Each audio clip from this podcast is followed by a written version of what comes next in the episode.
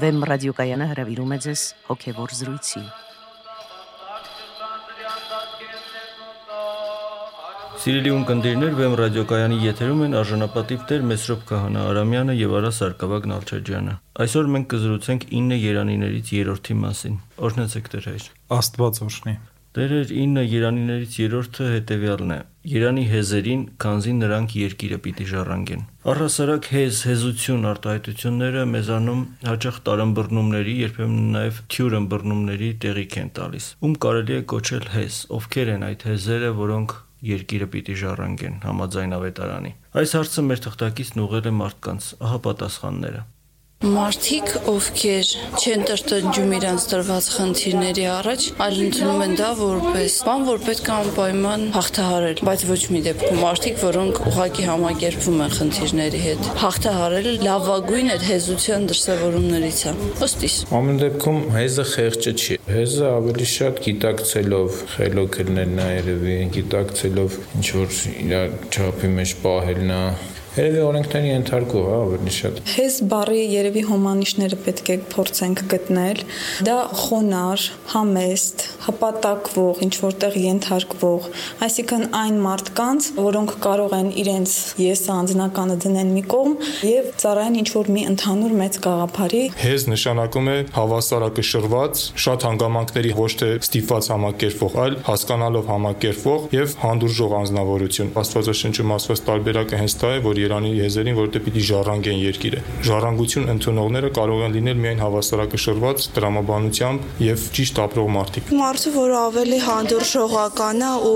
նույնիսկ եթե իրան շատ վատ է, չի կոպտի շատ վատ բան չի ասի։ Ովքեր որ այս պայմաններում ճիշտ կյանք են ապրում, կաշառք չեն տալի, իրենց աշխատանքով վաստակած փողով ապրում են։ Իմ կարծիքով հեզերը համեստ մարդիկ են։ Նրանք ովքեր ունեն արժանինքներ եւ այդ արժանինքների մասին չեն խոսում, այլ ցույց են տալիս իրենց գործերով կամ իրենց էությունը խոսում է այդ մասին։ Որ լսում է ամեն ինչ երևի խելոք ընդունում, որ ոչ մի բան չի կարող անել։ Դիմացը դա էլ հեզ ալենում։ Իմ կարծիքով հեզ կարելի անվանել այն մարդկանց, ովքեր հնարավորինս փորձում են զերծ մնալ չարություններ անելուց, ավելի շատ նպաստում են նրան, որ աշխարհում տիրի բարությունը, դրանով իսկ առաջին հերթին իրենց խիղճն է հանգիստ լինում, ավելի մաքուր է լինում եւ այդ մաքրությունը տարածվում է նաեւ իրենց շրջապատող մարդկանց վրա։ Տերեր, ինչպես տեսանք, կարծիքները, մտեցումները բազմատեսակ ու բազմակողմանի էին։ Խնդրում եմ ներկայացրեք հոգևոր տեսանկյունը։ Ինչ է նշանակում հեզ, ովքեր են հեզերը, ինչ է հեզությունը։ Կարծիքները թեպետ եւ բազմազան էին, բայց շատ հաճախ բավականին մոտ էին հոգևոր ըմբռնմանը եւ երբեմն հետաքրքիր նաեւ երանգներ էին իրենց մեջ պարունակում։ Հեզ բառը ընդհանրապես Սուրբ գրքում շատ իմաստներով է գործածվում, առասարակ ինքը նշանակում է հանդարտ, հանդարտաբարո, անշարժ, լուր, խոնար, այսպիսի մոտ երանգներ է պարունակում եւ եկեղեցու հայրերը նաեւ ասում են, որ Աստծո փառքի համար խոսելը, առաքինությունների մեջ փութաջան լինելը եւ այլն նույնպես իր մեջ հեզության տարե պարունակում։ Բայց առհասարակ հեզությունը ինքը հենց այն առաքինությունն է, որը ընդդեմ բարկության է, այսինքն հեզություն ուղղակի նշանակում է տարածիորեն անբարկություն։ Եվ այստեղ հենց այս Երանիի մեջ հեզություն բառը մի փոքր ընդհանրացված կերպով է գործածվում. Ոչ միայն ընդդեմ բարկության այլ հեզությունը իր մեջ ներառնում է այն բոլոր առաքինությունները որոնք սանձահարում են առհասարակ բնական ախտերը. Եւ մարդը անընդհատ կարիք ունի պայքարելու իր բնության մեջ արմատացած զանազան ախտերի դեմ առհասարակ մարդկային բնությունը ինքը մեղքի անկման հետևանքով դարձել է մեղսահակ եւ ունի հակումներ դեպի մեղքը, մեղքի կամք ունի իր մեջ։ Եվ մարդը դարձի գալով, որի մասին խոսվեց առաջի Երանի մեջ, այսինքն Երանի հոգով աղքատներին, դրանից հետո ապաշխարելով, այսինքն Երանի սքավորներին, չպետք է կանգ առնի դրա վրա, ինչպես այսօր շատ կա տարածված այդ մտայնությունը հատկապես բողոքական զանազան ուղությունների մեջ, դրանցից ծնունդ առած զանազան աղանդավորական շարժումների մեջ, որ արդեն մենք դարձի եկանք, ապաշխարեցինք եւ վերջ փրկված ենք։ Արդեն այդ կետում իրենք կանգնում են մենք փրկված ենք կամ արդեն մենք ապաշխարած ենք։ Միջդեռ դարձի գալով, զղջալով եւ ապաշխարելով դեռ ոչինչ չի սահմանափակվում եւ կանգ առնում։ Եվ մարդը անընդհատ եւ տևական կարիք ունի պայքարի ընդդեմ իր բնության մեջ արմատացած զանազան ախտերի։ Ահա այս պայքարի, այս արիական վիճակը, այս անտրտունջ վիճակը, խոնարհաբար այդ պայքարի միջով անցնելու վիճակը հենց բնորոշվում է հեզություն եզրով։ Եվ որ իսկապես հեզությունը ոչ միայն ընդդեմ բարկության է, ոչ միայն անբարկություն է նշանակում, այլև ուղղված է ընդդեմ մեղքերի մի ամբողջ համախմբի, թերևս այդ մասին է Սուրբ գրքի հետևյալ խոսքը. Հեզաբարո մարդը դադարեցնում է մեղքերը, իսկ բարկասիրտ մարդը խորացնում է դրանք։ Տեր հայր Երանիներից յուրաքանչյուրին հետևում է կոնկրետ բացատրություն կամ խոստում, թե ինչու է այդ Երանին տրվում։ Հեզերի համար խոստումն է երկիրը ժառանգելը։ Ինչու է հեզությունը արժանանում հատկապես երկիրը ժառանգելու այսպեսի խոստման եւ ինչ է նշանակում այդ երկիրը, որ պիտի ժառանգեն հեզերը։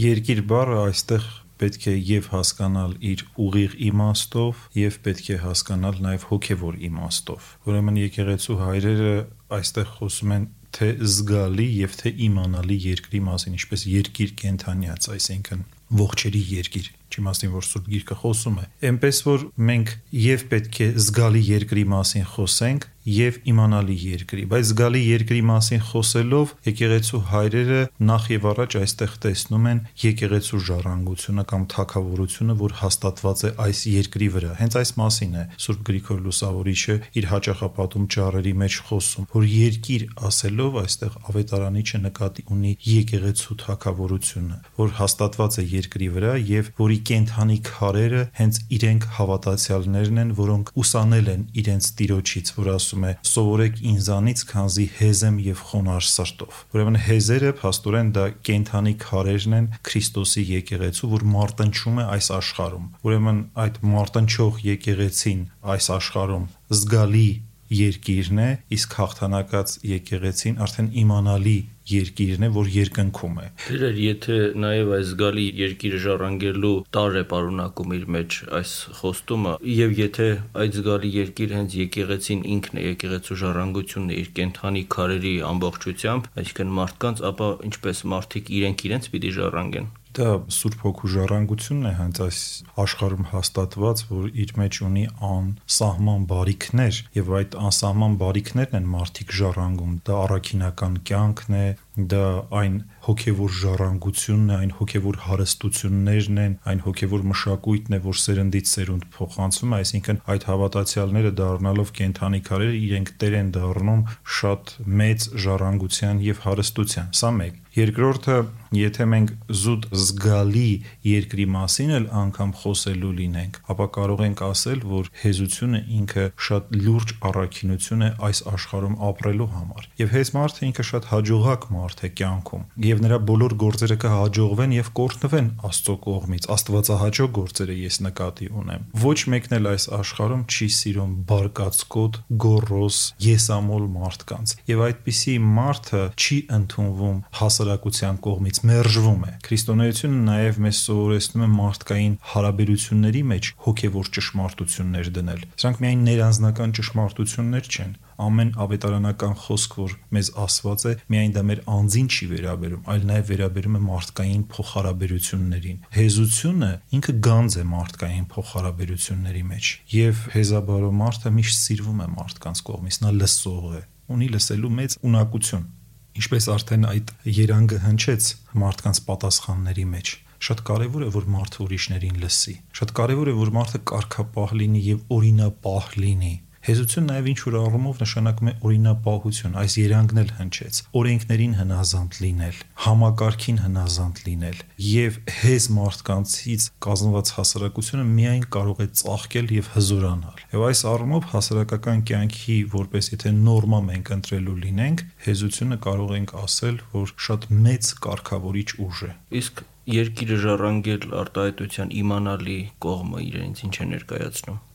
Արդեն դրա մասին բավականաչափ խոսեցինք, ավելացնեմ, որ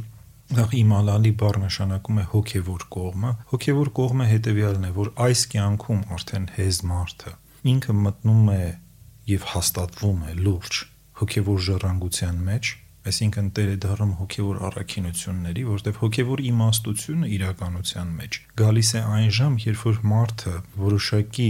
հոգևոր գիտակցություն ձեռք բերելուց եւ հոգևոր հաջողություններ ունենալուց հետո չի քնում այլ հասկանում է, որ հոգևորը արդյունք է տևական պայքարի եւ տևական ճիքերի եւ հոգեվորի մեջ մնայուն լինելու համար ինքը անընդհատ կարիք ունի սանձահարել իր մարդկային բնությունը եւ առհասարակ ինքը կարիք ունի որոշակի ներքին խստամբերության կամ ճկնակյացության որովհետեւ մեր բնությունը դարձել է դյուրագայթ մեր բնությունը դարձել է մեղսահակ մեր բնությունը դարձել է հեշտասեր մեր բնությունը թուլացել է, դարձել է թուլամորտ եւ մենք կարիք ունենք վերագանգնելու մեր բնության ճշմարիտ կերպը, մարդու ճշմարիտ կերպը մեր մեջ։ Սա տրվում է միմիայն հարատև ճիքերով, աստվածպաշտության հարատև ճիքերով։ Եվ հենց այստեղ է հոգեվոր իմաստությունը։ Երբ որ մարդը սա հասկանում է եւ գործադրում է, նա արդեն հաստատուն քայլերով հոգևորի մեջ ընթանում է առաջ դեպի բարձրագույնները բայց եթե մարդը սա չհասկացավ փոքր ինչ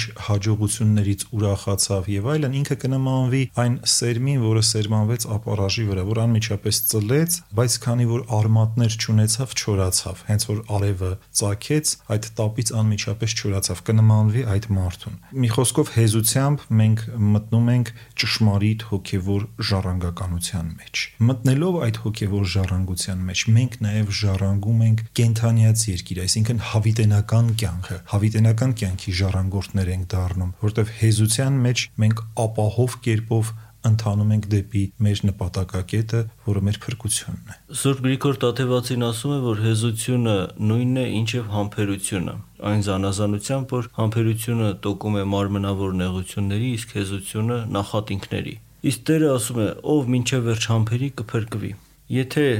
երկիրը ժառանգելը Պաստորեն մենք նույնացրեցինք փրկության հետ, լինի դա զգալի, լինի իմանալի, ապա արդյոք ճիշտ չէ, որ այս ինչե վերջ համբերելը նույնացնենք ոչ միայն մարմնավոր նեղությունների, այլև նախատինքների համբերելուն։ Անշուշտ, հենց բուն առաքինությունը կայանում է դրա մեջ եւ այն ամենը ինչ որ մենք անում ենք, ինչ հոգեվոր գործել որ անենք, ինքը ունի ստուգման մեկ չափանիշ, դա համբերությունն է եւ ինչե վերջ համբերությունը։ Եվ կարող ենք ասել, որ ճշմարիտ համբերությունը հենց հեզությունն է եւ դրա համար էլ դրանք նույնացվում են իրար հետ։ Շատ հետաքրքրական է մեծ ճգնավոր Իսահակ Նինվեացու խոսքերը, որ ասում է ոչ թե նա է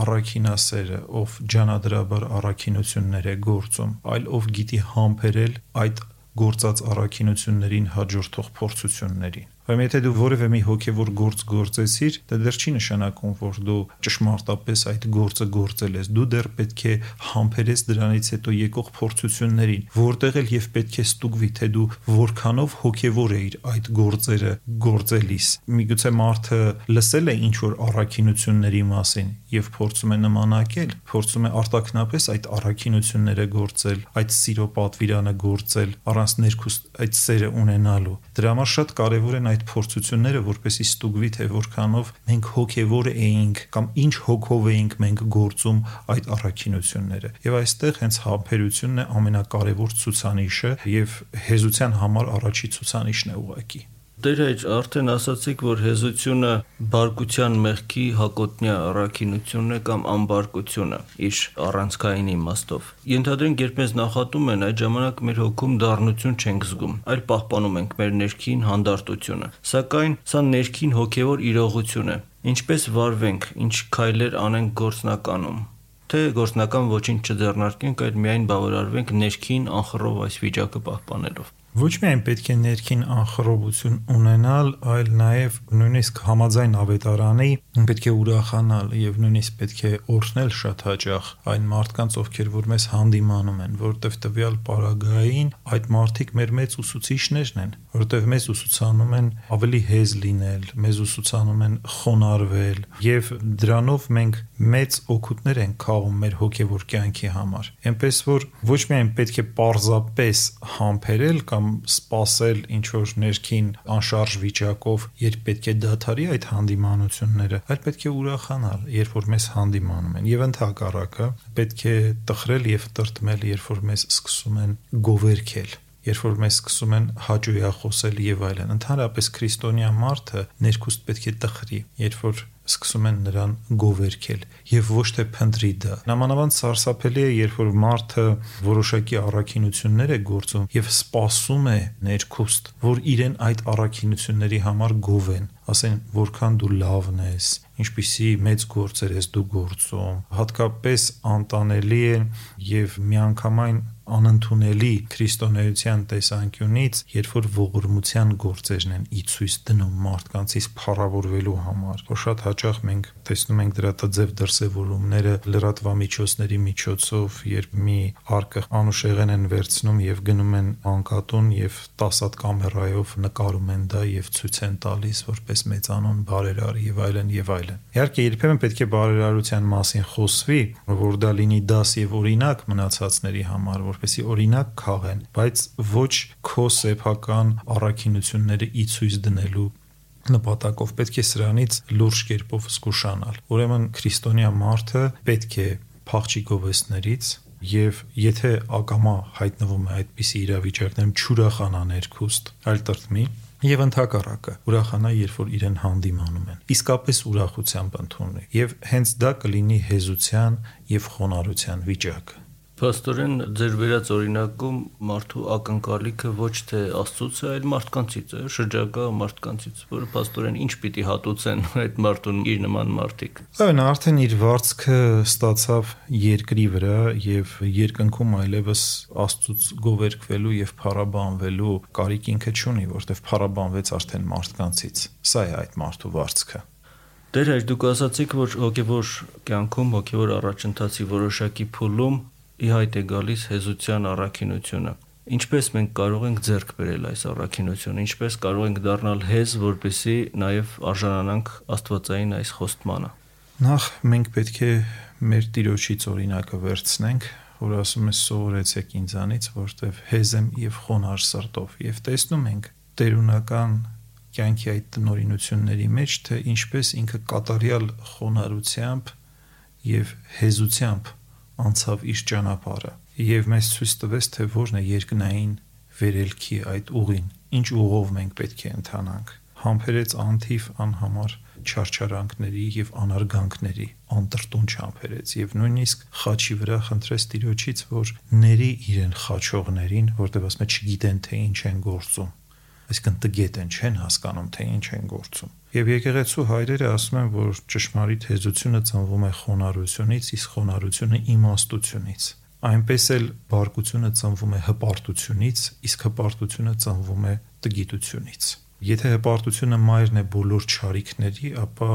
խոնարհությունը մայրն է բոլոր առաքինությունների։ Ուրեմն խոնար մարդու կարող ենք ասել գործելակերպը արդեն այս աշխարհում արտաքին գործելակերպը, հատկապես պայքարին վերաբերող գործելակերպը դրսևորում է հեզությամբ, որտեղ մարդը կարիք ունի բազմաթիվ գործեր գործելու հոգևոր գործեր, կարիք ունի արիության, ջանադրության եւ այլն։ Եվ այս ամենի մեջ մարդուն պետք է մեծ հեզություն, որպեսզի ինքը այդ առաքինության, ճգնության գործերը կատարի համբերությամբ որոշակի տոկունությամբ եւ անտրտունջ կերպով եւ կարողանա համբերել մինչեւ վերջ, որի մասին արդեն խոսեցինք։ Սա ոչ այլ ինչ է, եթե ոչ հեզություն։ Ուրեմն կարող ենք ասել, որ գործնական վիճակի մեջ, որոշակի առաքինությունների գործելու վիճակի մեջ խոնարհությունը կարող է նաեւ հանդես գալ հեզությամբ եւ հենց հանդես է գալիս այդ կերպ։ Այդ պատճառով է, որ հեզությունը եւ խոնարհությունը շատ հաճախ Սուրբ գրքում նույնացվում են եւ լծորտված են իրար հետ։ Ուրեմն հեզությունը արդյունք է մարդու ներքին խոնարհության։ Հեզությունը դա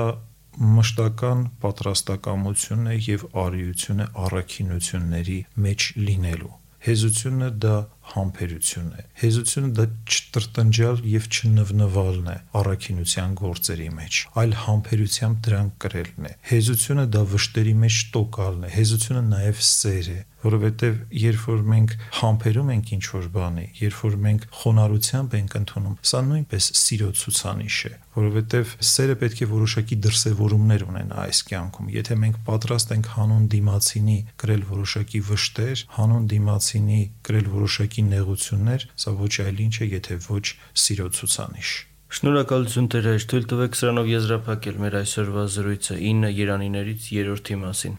Սիրելի ունկնդիրներ, իմ զրուցակիցն էր արժանապատիվ Տեր Մեսրոպ Քահանա Արամյանը։ Օրհնեցեք Տեր հայր։ Աստված օրհնի։